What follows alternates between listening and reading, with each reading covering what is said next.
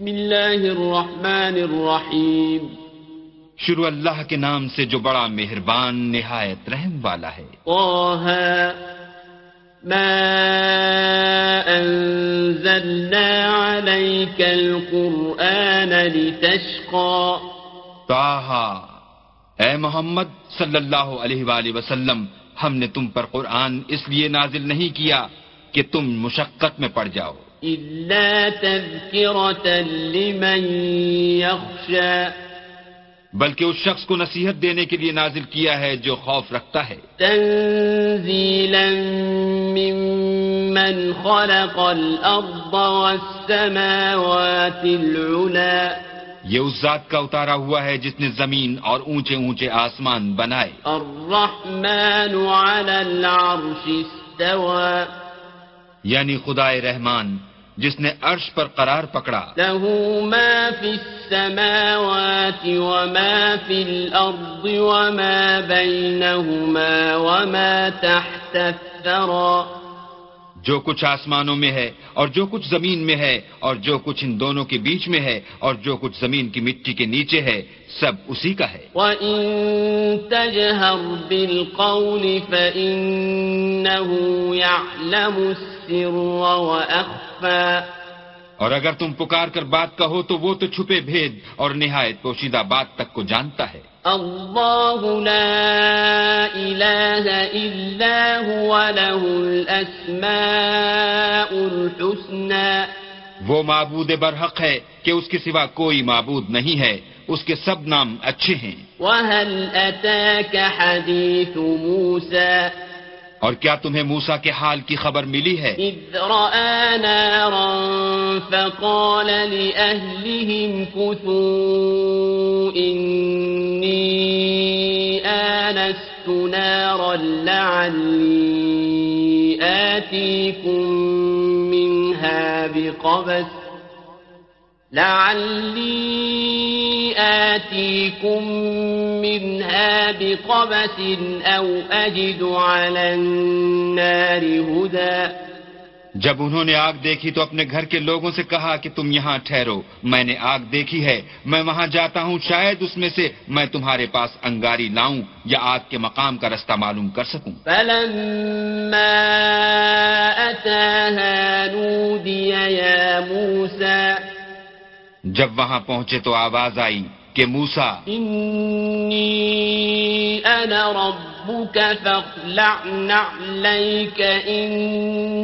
بالواد المقدس میں تو تمہارا پروردگار ہوں تو اپنی جوتیاں اتار دو تم یہاں پاک میدان یعنی توا میں ہو۔ وأنا اخترتك فاستمع لما يوحى۔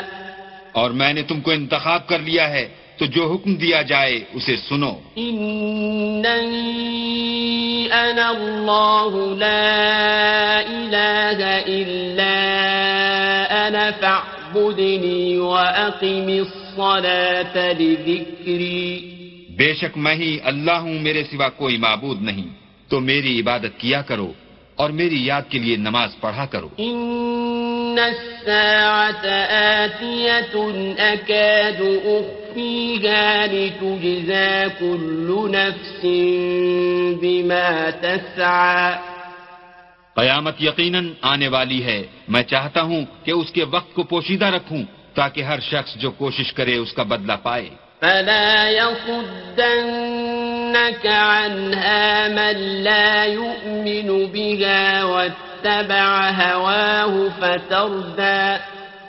تو جو شخص اس پر ایمان نہیں رکھتا اور اپنی خواہش کے پیچھے چلتا ہے کہیں تم کو اس کے یقین سے روک نہ دے تو اس صورت میں تم ہلاک ہو جاؤ۔ وما تلك بيمينك يا موسى؟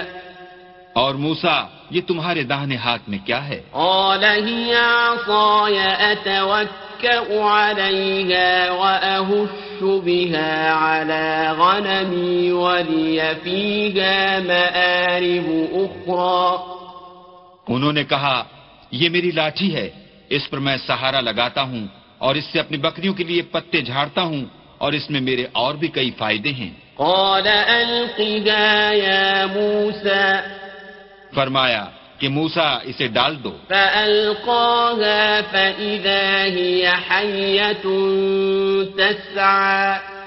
تو انہوں نے اس کو ڈال دیا اور وہ ناگہاں سانپ بن کر دوڑنے لگا۔ قال خذها ولا تخف سنعيدها سيرتها الأولى۔ اللہ نے فرمایا کہ اسے پکڑ لو اور ڈرنا مت ہم اس کو ابھی اس کی پہلی حالت پر لوٹا دیں گے۔ واضمم يدك إلى جناحك تخرج بيضاء من غير سوء آية أخرى. اور اپنا ہاتھ اپنی بغل سے لگا لو وہ کسی عیب و بیماری کے بغیر سفید چمکتا دمکتا نکلے گا یہ دوسری نشانی ہے۔ لنريك من آياتنا الكبرى. تاکہ ہم تمہیں اپنے نشانات عظیم دکھائیں۔ اذهب إلى فرعون إنه طغى۔ تم فرعون کے پاس جاؤ کہ وہ سرکش ہو رہا ہے۔ قال رب اشرح لي صدري۔ کہا میرے پروردگار اس کام کے لیے میرا سینہ کھول دے۔ ويسر لي أمري۔ اور میرا کام آسان کر دے۔ واحلل عقدة من لساني اور میری زبان کی گراہ کھول دے۔ قولي تاکہ وہ میری بات سمجھ لیں۔ واجعل لي وزيرا من اور میرے گھر والوں میں سے ایک کو میرا وزیر یعنی مددگار مقرر فرما۔ هارون أخي یعنی میرے بھائی ہارون کو۔ أشدد به أجري اس سے میری قوت کو مضبوط کر وأشركه في أمري. اور اسے میرے کام میں شریک کر. كي نسبحك كثيرا. تاکہ ہم تیری بہت سی تسبیح کریں. ونذكرك كثيرا. اور تجھے کثرت سے یاد کریں. إنك كنت بنا بصيرا. تو ہم کو ہر حال میں دیکھ رہا ہے۔ قال قد سؤلك يا موسى۔ فرمایا موسا تمہاری دعا قبول کی گئی۔ ولقد مننا عليك مرة أخرى۔ اور ہم نے تم پر ایک بار اور بھی احسان کیا تھا۔ إذ أوحينا إلى أمك ما يوحى۔ جب ہم نے تمہاری والدہ کو الہام کیا تھا جو تمہیں بتایا جاتا ہے۔ أن اقذفيه في التابوت فاقذفيه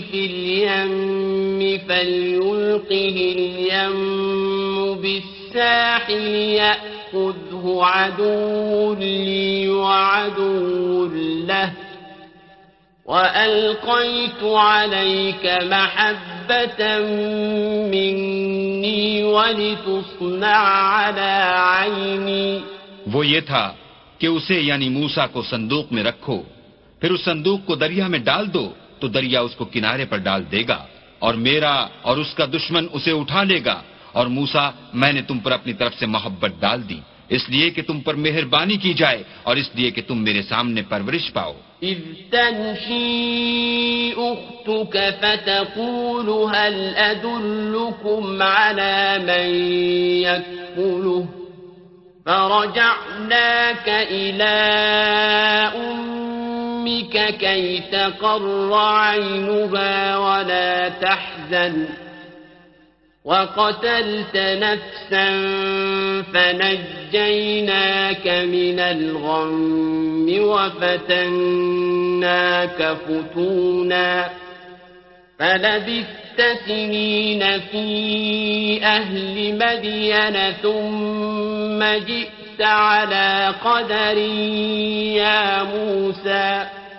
جب تمہاری بہن فرعون کے ہاں گئی اور کہنے لگی کہ میں تمہیں ایسا شخص بتاؤں جو اس کو پالے، تو اس طریق سے ہم نے تم کو تمہاری ماں کے پاس پہنچا دیا، تاکہ ان کی آنکھیں ٹھنڈی ہوں اور وہ رنج نہ کریں۔ اور تم نے ایک شخص کو مار ڈالا، تو ہم نے تم کو غم سے مخلصی دی۔ اور ہم نے تمہاری کئی بار آزمائش کی، پھر تم کئی سال اہل مدین میں ٹھہرے رہے۔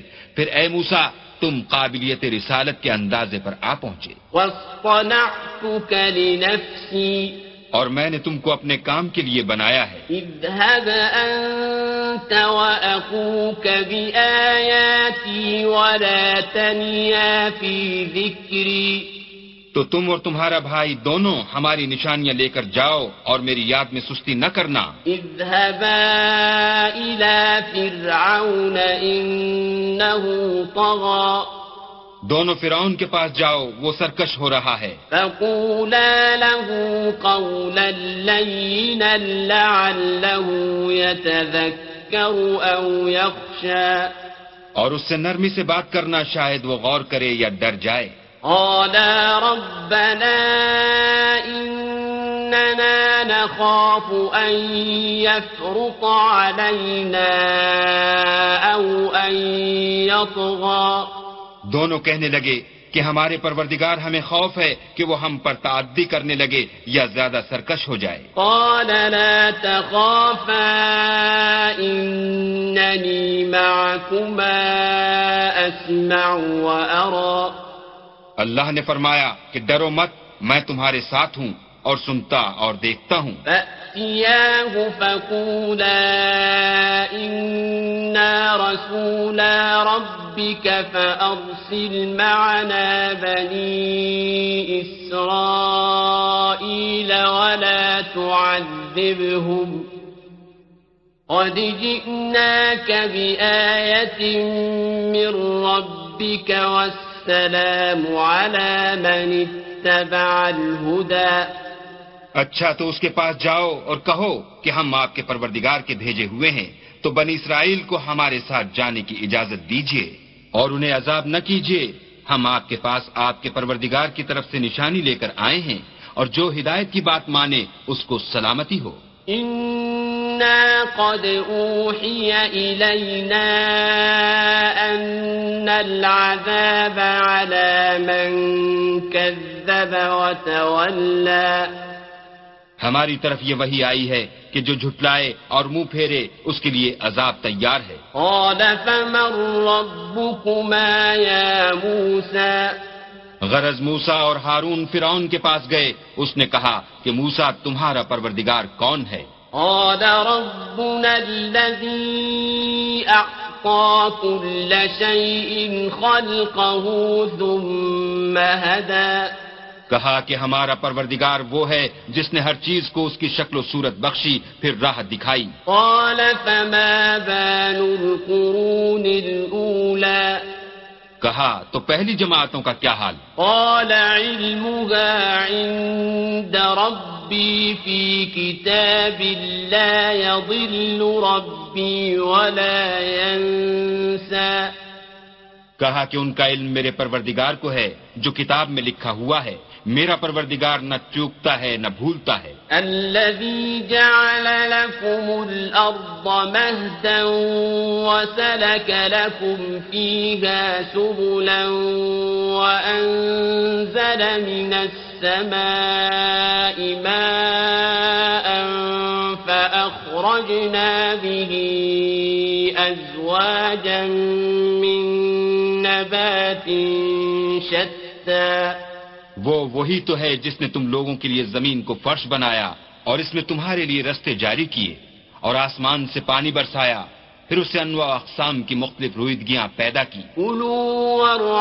أنعامكم إن في ذلك النهى کہ خود بھی کھاؤ اور اپنے چار پایوں کو بھی چراؤ۔ بے شک ان باتوں میں عقل والوں کے لیے بہت سی نشانیاں ہیں۔ منها خلقناكم وفيها نعيدكم ومنها نخرجكم تارة أخرى اسی زمین سے ہم نے تم کو پیدا کیا اور اسی میں تمہیں لوٹائیں گے اور اسی سے دوسری دفعہ نکالیں گے۔ ولقد أريناه آياتنا كلها فكذب وأبى اور ہم نے فرعون کو اپنی سب نشانیاں دکھائیں۔ مگر وہ تکذیب اور انکار ہی کرتا رہا۔ قال أجئتنا لتخرجنا من أرضنا بسحرك يا موسى۔ کہنے لگا کہ موسا کیا تم ہمارے پاس اس لیے آئے ہو کہ اپنے جادو کے زور سے ہمیں ہمارے ملک سے نکال دو؟ فلنأتينك بسحر مثله فاجعل بيننا وبينك موعدا لا نخلفه. فاجعل بيننا وبينك موعدا لا نخلفه. نحن ولا أنت مكانا سوى. تو ہم بھی تمہارے مقابل ایسا ہی جادو لائیں گے۔ تو ہمارے اور اپنے درمیان ایک وقت مقرر کر لو کہ نہ تو ہم اس کے خلاف کریں اور نہ تم اور یہ مقابلہ ایک ہموار میدان میں ہوگا۔ قال موعدكم يوم الزينة وأن يحشر الناس ضحى۔ موسا نے کہا کہ آپ کے لیے یوم زینت کا وعدہ ہے اور یہ کہ لوگ اس دن چاشت کے وقت اکٹھے ہو جائیں۔ فتولى فرعون فجمع كيده ثم أتى. تو فرعون لوٹ گیا اور اپنے سامان جمع کر کے پھر آیا۔ قال لهم موسى ويلكم لا تفتروا على الله كذبا فيسحتكم بعذاب وقد خاب من افترى. موسا نے ان جادوگروں سے کہا کہ ہائے تمہاری کم بختی اللہ پر جھوٹ افطرا نہ کرو کہ وہ تمہیں عذاب سے پناہ کر دے اور جس نے افطرا کیا وہ نامراد رہا۔ فتنازعوا امرهم بينهم واسروا النجوى۔ تو وہ باہم اپنے معاملے میں جھگڑنے اور چپکے چپکے سرگوشی کرنے لگے۔ قالوا إن هذان لساحران يريدان أن يخرجاكم من أرضكم بسحرهما ويذهبا بطريقتكم المثلى. کہنے لگے، یہ دونوں جادوگر ہیں۔ چاہتے ہیں کہ اپنے جادو کے زور سے تم کو تمہارے ملک سے نکال دیں اور تمہارے شائستہ مذہب کو نابود کر دیں۔ فأجمعوا كيدكم ثم أتوا صفا. وقد أفلح اليوم من استعلى. تو تم جادو کا سامان اکٹھا کر لو اور پھر قطار باندھ کر آؤ. آج جو غالب رہا وہی کامیاب ہوا۔ قالوا يا موسى إما أن تلقي وإما نكون أول من ألقى. بولے کہ موسا یا تو تم اپنی چیز ڈالو یا ہم اپنی چیزیں پہلے ڈالتے ہیں۔ قال بل ألقوا فإذا حبالهم وعصيهم يخيل إليه من سحرهم أنها تسعى. موسا نے کہا نہیں تم ہی ڈالو۔ جب انہوں نے چیزیں ڈالی تو ناگہاں ان کی رسیاں اور لاٹیاں موسا کے خیال میں ایسے آنے لگیں کہ وہ میدان میں ادھر ادھر دوڑ رہی ہیں۔ فأوجس في نفسه خيفة موسى۔ اس وقت موسا نے اپنے دل میں خوف معلوم کیا۔ قلنا لا تخف أنت الأعلى۔ ہم نے کہا خوف نہ کرو بلا شبہ تم ہی غالب ہو. وألق ما في يمينك تلقف ما صنعوا إنما صنعوا كيد ساحر ولا يفلح الساحر حيث أتى اور جو چیز لاٹھی یعنی تمہارے داہنے ہاتھ میں ہے اسے ڈال دو کہ جو کچھ انہوں نے بنایا ہے اس کو نگل جائے گی۔ جو کچھ انہوں نے بنایا ہے یہ تو جادوگروں کے ہتھ کنڈے ہیں۔ اور جادوگر جہاں جائے فلاح نہیں پائے گا۔ فألقي السحرة سجدا قالوا آمنا برب هارون وموسى۔ القصہ یوں ہی ہوا تو جادوگر سجدے میں گر پڑے اور کہنے لگے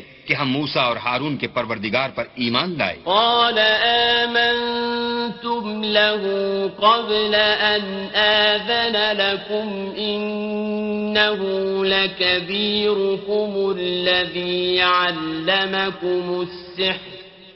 فلأقطع فلأقطعن أيديكم وأرجلكم من خلاف ولأصلبنكم في جذوع النخل ولتعلمن أينا أشد عذابا وأبقى. فرعون بولا کہ پیشتر اس کے کہ میں تمہیں اجازت دوں تم اس پر ایمان لے آئے۔ بے شک وہ تمہارا بڑا یعنی استاد ہے، جس نے تم کو جادو سکھایا ہے۔ سو میں تمہارے ہاتھ اور پاؤں جانب خلاف سے کٹوا دوں گا اور کھجور کے تنوں پر سولی چڑھوا دوں گا۔ اس وقت تم کو معلوم ہوگا کہ ہم میں سے کس کا عذاب زیادہ سخت اور دیر تک رہنے والا ہے۔ قالوا لن نؤثرك على ما جاءنا من البينات والذي فطرنا فاقض ما أنت قاض إنما تقضي هذه الحياة الدنيا. انہوں نے کہا کہ جو دلائل ہمارے پاس آ گئے ہیں ان پر اور جس نے ہم کو پیدا کیا ہے اس پر ہم آپ کو ہرگز ترجیح نہیں دیں گے۔ تو آپ کو جو حکم دینا ہو دیجیے اور آپ جو حکم دے سکتے ہیں وہ صرف اسی دنیا کی زندگی میں دے سکتے ہیں۔ إنا آمنا بربنا ليغفر لنا خطايانا وما أكرهتنا عليه من السحر والله خير وأبقى۔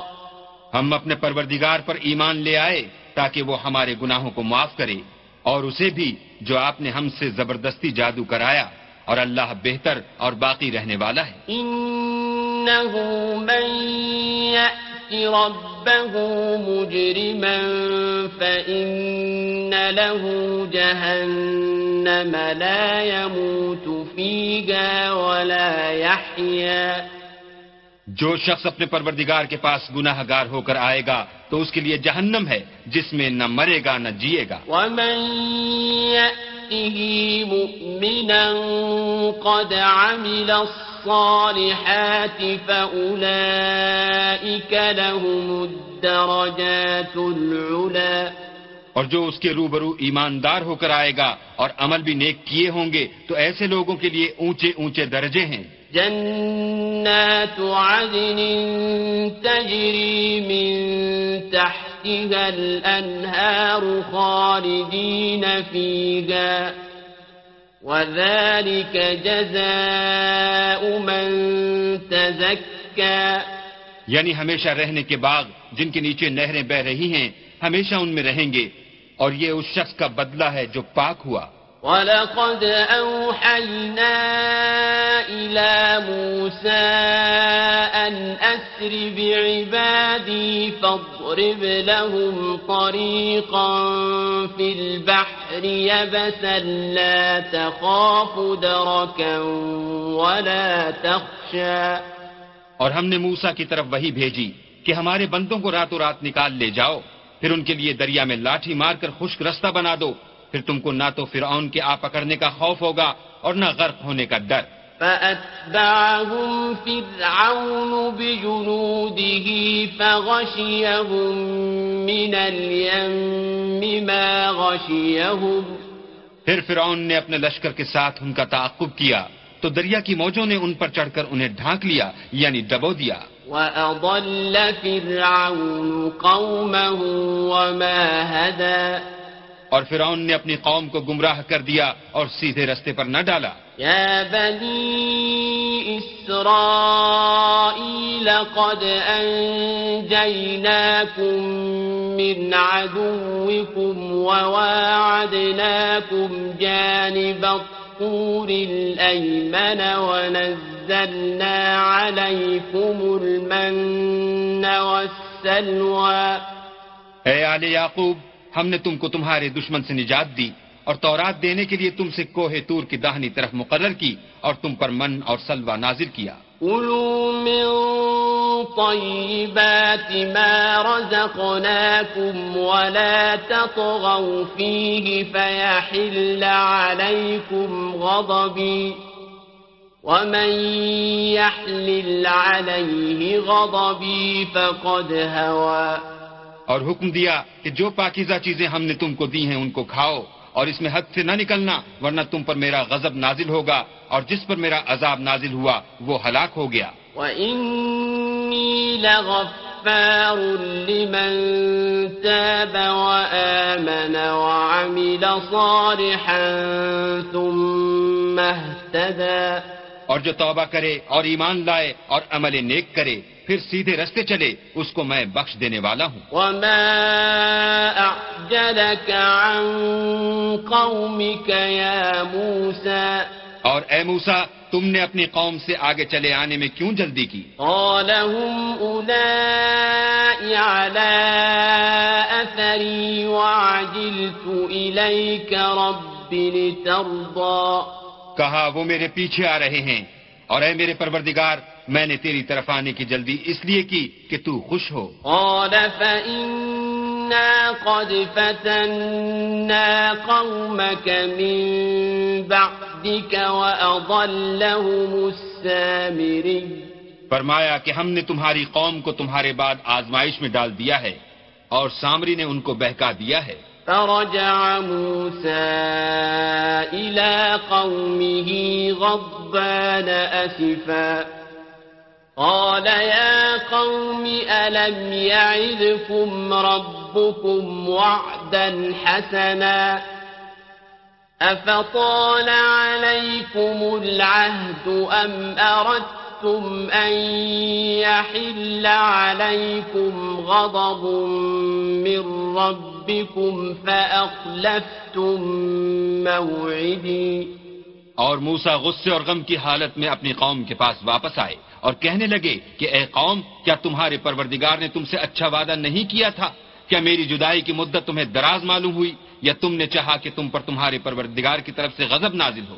اور اس لیے تم نے مجھ سے جو وعدہ کیا تھا، اس کے خلاف کیا۔ قالوا ما أخلفنا موعدك بملكنا ولكننا حملنا أوزارا من زينة القوم فقذفناها فقذفناها فكذلك ألقى السامري وہ کہنے ہم نے اپنے اختیار سے تم سے وعدہ خلاف نہیں کیا بلکہ ہم لوگوں کے زیوروں کا بوجھ اٹھائے ہوئے تھے۔ پھر ہم نے اس کو آگ میں ڈال دیا اور اسی طرح سامری نے ڈال دیا۔ فأخرج لهم عجلا جسدا له خوار فقالوا هذا إلهكم وإله موسى فنسي۔ تو اس نے ان کے لیے ایک بچڑا بنا دیا۔ یعنی اس کا قالب جس کی آواز گائے کسی تھی تو لوگ کہنے لگے کہ یہی تمہارا معبود ہے اور یہی موسا کا معبود ہے مگر وہ بھول گئے ہیں۔ أفلا يرون ألا يرجع إليهم قولا ولا يملك لهم ضرا ولا نفعا۔ کیا یہ لوگ نہیں دیکھتے کہ وہ ان کی کسی بات کا جواب نہیں دیتا اور نہ ان کے نقصان اور نفع کا کچھ اختیار رکھتا ہے؟ ولقد قال لهم هارون من قبل يا قوم إنما فتنتم به وإن ربكم الرحمن فاتبعوني. وإن ربكم الرحمن فاتبعوني وأطيعوا أمري۔ اور ہارون نے ان سے پہلے ہی کہہ دیا تھا کہ لوگوں اس سے صرف تمہاری آزمائش کی گئی ہے اور تمہارا پروردگار تو اللہ ہے تو میری پیروی کرو اور میرا کہا مانو۔ قالوا لن نبرح عليه عاكفين حتى يرجع إلينا موسى. وہ کہنے لگے کہ جب تک موسا ہمارے پاس واپس نہ آئے ہم تو اس کی پوجا پر قائم رہیں گے۔ قال يا هارون ما منعك إذ رأيتهم ضلوا. پھر موسا نے ہارون سے کہا کہ ہارون جب تم نے ان کو دیکھا تھا کہ گمراہ ہو گئے ہیں تو تم کو کس چیز نے روکا؟ ألا تتبعني أفعصيت أمري. یعنی اس بات سے کہ تم میرے پیچھے چلے آؤ بھلا تم نے میرے حکم کے خلاف کیوں کیا؟ قال يا ابن أم لا تأخذ بلحيتي ولا برأسي خشيت أن تقول فرقت بين بني إسرائيل ولم ترقب قولي.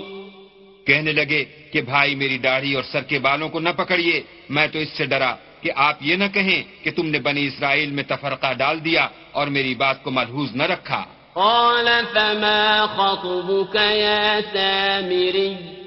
پھر سامری سے کہنے لگے کہ سامری تیرا کیا حال ہے؟ قال بصرت بما لم يبصروا به فقبضت قبضة من أثر الرسول فنبذتها وكذلك سولت لي نفسي.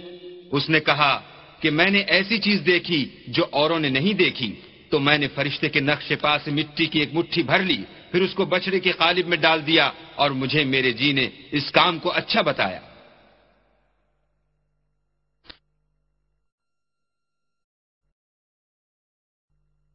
قال فاذهب فإن لك في الحياة أن تقول لا مساس وإن لك موعدا لن تخلفه۔ وانظر إلى إلهك الذي ظلت عليه عاكفا لنحرقنه ثم لننسفنه في اليم نسفا. موسا نے کہا، جا تجھ کو دنیا کی زندگی میں یہ سزا ہے کہ کہتا رہے کہ مجھ کو ہاتھ نہ لگانا، اور تیرے لیے ایک اور وعدہ ہے یعنی عذاب کا جو تجھ سے ٹل نہ سکے گا۔ اور جس معبود کی پوجا پر تو قائم معتکف تھا اس کو دیکھ ہم اسے جلا دیں گے پھر اس کی راکھ کو اڑا کر دریا میں بکھیر دیں گے۔ انما الہکم اللہ الذی لا الہ الا ہو۔ وسع كل شيء علما۔ تمہارا معبود اللہ ہی ہے جس کے سوا کوئی معبود نہیں۔ اس کا علم ہر چیز پر محیط ہے كذلك نقص عليك من أنباء ما قد سبق وقد آتيناك من لدنا ذكرًا اس طرح ہم تم سے وہ حالات بیان کرتے ہیں جو گزر چکے ہیں اور ہم نے تمہیں اپنے پاس سے نصیحت کی کتاب عطا فرمائی ہے۔ من اعرض عنه فإنه يحمل يوم القيامة وزرا۔ جو شخص اس سے منہ پھیرے گا وہ قیامت کے دن گناہ کا بوجھ اٹھائے گا۔ خالدین فیہ وساء لهم يوم القيامة حملا۔ ایسے لوگ ہمیشہ اس عذاب میں مبتلا رہیں گے اور یہ بوجھ قیامت کے روز ان کے لیے برا ہوگا۔ يوم ينفخ في الصور ونحشر المجرمين يومئذ زرقا۔ جس روز سور پھونکا جائے گا اور ہم گناہ گاروں کو اکٹھا کریں گے اور ان کی آنکھیں نیلی نیلی ہوں گی۔ بينهم إن لبثتم عشرا۔ تو وہ آپس میں آہستہ آہستہ کہیں گے کہ تم دنیا میں صرف دس ہی دن رہے ہو۔ نحن اعلم بما يقولون اذ يقول امثلهم طريقة الا بثتم الا يوما۔ جو باتیں یہ کریں گے ہم خوب جانتے ہیں۔ اس وقت ان میں سب سے اچھی راہ والا یعنی عاقل و ہوشمند کہے گا کہ نہیں بلکہ صرف ایک ہی روز ٹھہرے ہو۔ وَيَسْأَلُونَكَ عَنِ الْجِبَالِ فَقُلْ يَنسِفُهَا رَبِّي نَسْفًا۔ اور تم سے پہاڑوں کے بارے میں دریافت کرتے ہیں۔ کہہ دو کہ اللہ ان کو اڑا کر بکھیر دے گا۔ فَيَذَرُهَا قَاعًا صَفْصَفًا۔ اور زمین کو ہموار میدان کر چھوڑے گا۔ لا ترى فيها عوجا ولا امتا جس میں نہ تم کجی اور پستی دیکھو گے نہ ٹیلا اور بلندی۔ يومئذ يتبعون الداعي لا عوج له۔ وخشعت الأصوات للرحمن فلا تسمع إلا همسا اس روز لوگ ایک پکارنے والے کے پیچھے چلیں گے اور اس کی پیروی سے انحراف نہ کر سکیں گے اور اللہ کے سامنے آوازیں پست ہو جائیں گی تو تم آواز خفی کے سوا کوئی آواز نہ سنو گے۔ يومئذ لا تنفع الشفاعة إلا من أذن له الرحمن ورضي له قولا اس روز کسی کی سفارش کچھ فائدہ نہ دے گی۔ مگر اس شخص کی جسے اللہ اجازت دے اور اس کی بات کو پسند فرمائے۔ يعلم ما بين أيديهم وما خلفهم ولا يحيطون به علما۔ جو کچھ ان کے آگے ہے اور جو کچھ ان کے پیچھے ہے وہ اس کو جانتا ہے۔ اور وہ اپنے علم سے اللہ کے علم پر احاطہ نہیں کر سکتے۔ وعنت الوجوه للحي القيوم وقد خاب من حمل ظلما۔ اور اس زندہ و قائم کے روبرو منہ نیچے ہو جائیں گے اور جس نے ظلم کا بوجھ اٹھایا وہ نامراد رہا۔ ومن يعمل من الصالحات وهو مؤمن فلا يخاف ظلما ولا هضما. اور جو نیک کام کرے گا اور مومن بھی ہوگا تو اس کو نہ ظلم کا خوف ہوگا اور نہ نقصان کا۔ وكذلك أنزلناه قرآنا عربيا وصرفنا فيه من الوعيد. وصرفنا فيه من الوعيد لعلهم يتقون أو يحدث لهم ذكرًا اور ہم نے اس کو اسی طرح کا قرآن عربی نازل کیا ہے اور اس میں طرح طرح کے ڈراوے بیان کر دیے ہیں تاکہ لوگ پرہیزگار بنے یا اللہ ان کے لیے نصیحت پیدا کر دے۔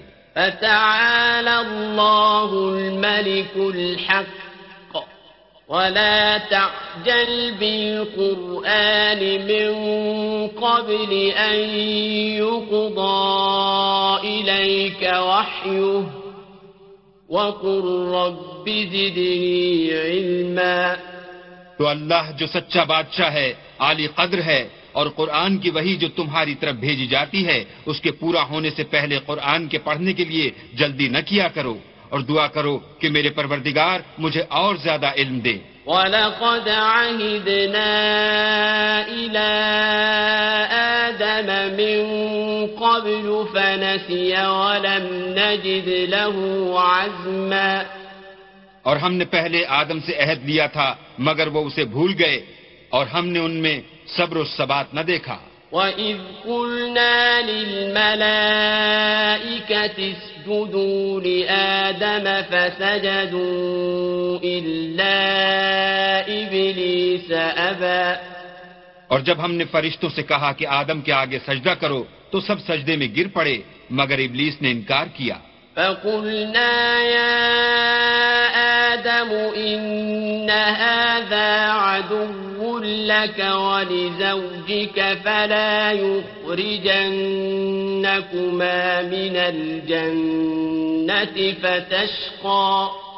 ہم نے فرمایا کہ آدم یہ تمہارا اور تمہاری بیوی کا دشمن ہے تو یہ کہیں تم دونوں کو بہشت سے نکلوا نہ دے پھر تم تکلیف میں پڑ جاؤ۔ إن لك ألا تجوع فيها ولا تعرى۔ یہاں تم کو یہ آسائش ہے کہ نہ بھوکے رہو نہ ننگے۔ وأنك لا تظمأ فيها ولا تضحى اور یہ کہ نہ پیاسے رہو اور نہ دھوپ کھاؤ۔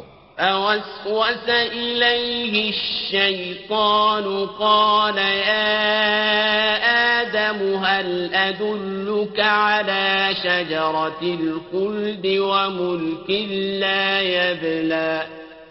تو شیطان نے ان کے دل میں وسوسہ ڈالا اور کہا کہ آدم، بھلا میں تم کو ایسا درخت بتاؤں جو ہمیشہ کی زندگی کا سمرہ دے اور ایسی بادشاہت کہ کبھی زائل نہ ہو۔ فأكلا منها فبدت لهما سوآتهما وطفقا يخصفان عليهما من ورق الجنة وعصى آدم ربه فغوى. تو دونوں نے اس درخت کا پھل کھا لیا تو ان پر ان کی شرم گاہیں ظاہر ہو گئیں اور وہ اپنے بدنوں پر بہشت کے پتے چپکانے لگے اور آدم نے اپنے پروردگار کے حکم کے خلاف کیا تو وہ اپنے مطلوب سے بے راہ ہو گئے۔ ثم اجتباه ربه فتاب عليه وهدى.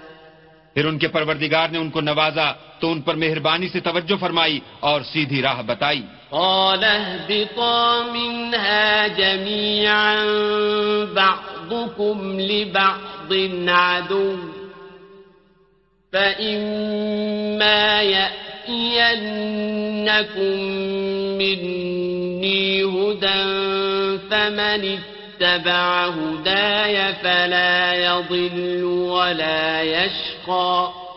فرمایا کہ تم دونوں یہاں سے نیچے اتر جاؤ تم میں بعض بعض کے دشمن ہوں گے پھر اگر میری طرف سے تمہارے پاس ہدایت آئے تو جو شخص میری ہدایت کی پیروی کرے گا وہ نہ گمراہ ہوگا اور نہ تکلیف میں پڑے گا۔ ومن أعرض عن ذكري فإن له معيشة ضنكا ونحشره يوم القيامة أعمى۔ اور جو میری نصیحت سے منہ پھیرے گا اس کی زندگی تنگ ہو جائے گی اور قیامت کو ہم اسے اندھا کر کے اٹھائیں گے۔ قال رب لم حشرتني أعمى وقد كنت بصيرا۔ وہ کہے گا کہ میرے پروردگار تو نے مجھے اندھا کر کے کیوں اٹھایا؟ میں تو دیکھتا بھالتا تھا۔ قال كذلك أتتك آياتنا فنسيتها وكذلك اليوم تنسى۔ اللہ فرمائے گا کہ ایسا ہی چاہیے تھا۔ تیرے پاس ہماری آیتیں آئیں تو تو نے ان کو بھلا دیا۔ اسی طرح آج ہم تجھ کو بھلا دیں گے۔ وكذلك نجزي من أسرف ولم يؤمن بآيات ربه ولعذاب الآخرة أشد وأبقى اور جو شخص حد سے نکل جائے اور اپنے پروردگار کی آیتوں پر ایمان نہ لائے، ہم اس کو ایسا ہی بدلہ دیتے ہیں اور آخرت کا عذاب بہت سخت اور بہت دیر رہنے والا ہے۔ أفلم يهد لهم كم أهلكنا قبلهم من القرون يمشون في مساكنهم إن في ذلك لآيات لأولي النهى کیا یہ بات ان لوگوں کے لیے موجب ہدایت نہ ہوئی کہ ہم ان سے پہلے بہت سے فرقوں کو ہلاک کر چکے ہیں جن کے رہنے کے مقامات میں یہ چلتے پھرتے ہیں؟ عقل والوں کے لیے اس میں بہت سی نشانیاں ہیں۔ ولولا كلمة سبقت من ربك لكان لزاما وأجل مسمى۔ اور اگر ایک بات تمہارے پروردگار کی طرف سے پہلے صادر اور جزائے اعمال کے لیے ایک میاد مقرر نہ ہو چکی ہوتی تو نزول عذاب لازم ہو جاتا۔ فاصبر على ما يقولون وسبح بحمد ربك قبل طلوع الشمس وقبل غروبها۔ ومن آناء الليل فسبح وأطراف النهار لعلك ترضى۔ بس جو کچھ یہ بکواس کرتے ہیں، اس پر صبر کرو اور سورج کے نکلنے سے پہلے اور اس کے غروب ہونے سے پہلے اپنی پروردگار کی تسبیح و تحمید کیا کرو اور رات کی ساعت اولین میں بھی اس کی تسبیح کیا کرو اور دن کی اطراف یعنی دوپہر کے قریب ظہر کے وقت بھی۔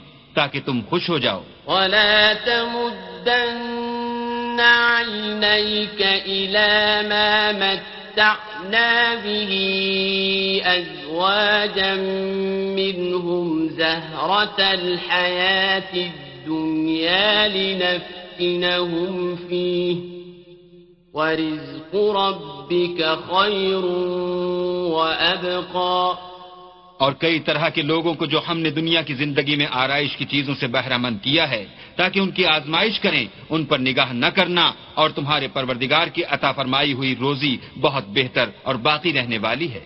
وأمر أهلك بالصلاة واصطبر عليها لا تسألك رزقا نحن نرزقك والعاقبة للتقوى۔